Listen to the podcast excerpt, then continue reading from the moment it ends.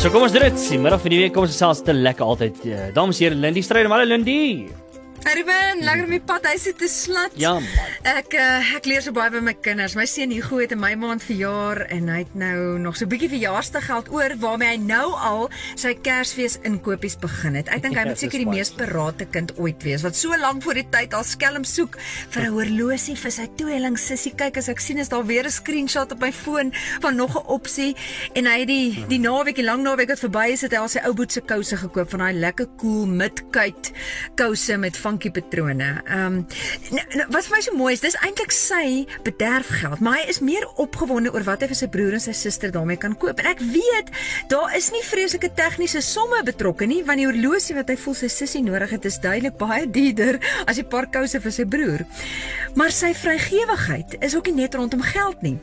Maandagooggend doen hulle in die klas 'n radio-advertensie en mamma's heel trots sien dat ek ook darmos nou by 'n radiostasie werk en maandag aand kry ek hom voor my rekening. My kinders is van daai wat altyd eers hulle hand opsteek. So hy het sommer klaar sy beurt maandag gevat, maar hier sit hy voor my rekenaar besig om te tik en ek vra, "Bigo, waarmee is jy besig?" Nee, hy skryf 'n radio-advertensie. Ek sê, "Maar jy het mos nou klaar een gedoen, klaar jou beurt gehad. Hoekom nou nog een?" "Nee, mamma, dis vir 'n maatjie wat bietjie sukkel."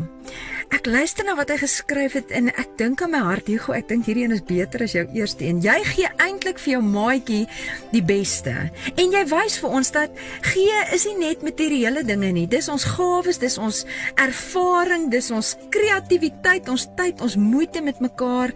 En dis eintlik hoe die Here dit bedoel het van die begin af. Nou miskien was meeste van ons ook so toe ons klein was. Ehm um, Ons het ook so opgewonde geraak om te gee. Ehm uh, miskien het jy ook vroeër in jou lewe gegee omdat dit net vir jou so vrek lekker was en dan iewers langs die pad maak vrees of ek weet nie wat anders nie dat ons hande toe gaan. Jong, ek is bang haas nie eers vir my eie behoeftes genoeg nie, so ek beter maar klou in wat ek het. En iewers ontdek ons sakrekenaars en het ons iets gehoor van persentasies. Hoeveel is nou weer 10%, maar wag, wag, tegnies, is dit nou voorbelasting of nabelasting? En ja, ons moet dit nou net nie oordoen nie, né? Uh wat eintlik so jammer is. En geen wonder die Here sê vir ons leer by kinders nie, want hy is op soek na die hart van gee.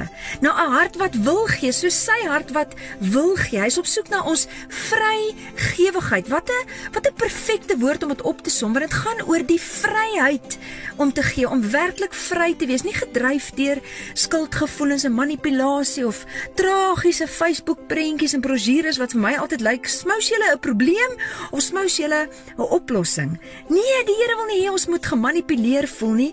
Ehm um, die die woord sê in die message vertaling het so mooi 2 Korintiërs 9, "A God loves it when the giver delights in the giving." Dis lekker vir die Here om te sien hoe lekker dit vir ons is om dit wat hy vir ons gegee het aan te gee en beskikbaar te stel en te deel met ander. So, vanmiddag wil ek vir jou sê as syfers en sakrekenaars en persentasies jou vreugde gesteel het, gooi weg die goed en proe net weer hoe lekker dit is om van jou geld, maar veral van jouself, jou tyd, jou kreatiwiteit en selfs so 'n bietjie ekstra verjaarsdaggeld vir iemand anders te gee. Mm -hmm. My naam is Lindie Strydom en dit was jou Sladdiepad inspirasie net hier op Groot FM 90.5.